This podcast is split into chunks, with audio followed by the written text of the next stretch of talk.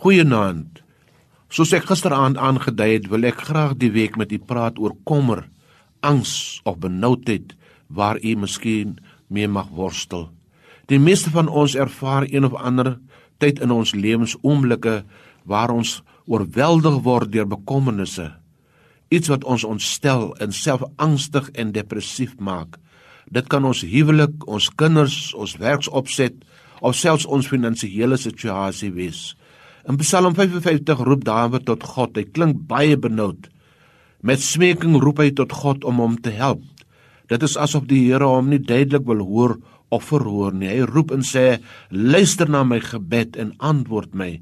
My sorges gee my nie rus nie. So erg is sy nood dat hy innerlik en uiterlik tot die dood toe bang is." In vers 5 sê hy: "My hart krimp in mekaar.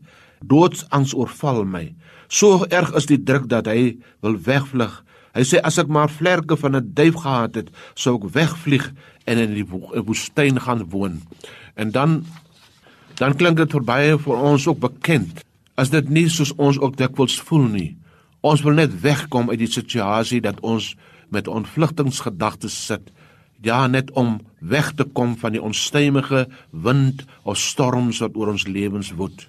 Dit is so interessant dat Dawid, die man wat selfs in nood verkeer, ons nou wil bemoedig as hy in vers 23 sê: "Laat jou sorges aan die Here oor, hy sal vir jou sorg."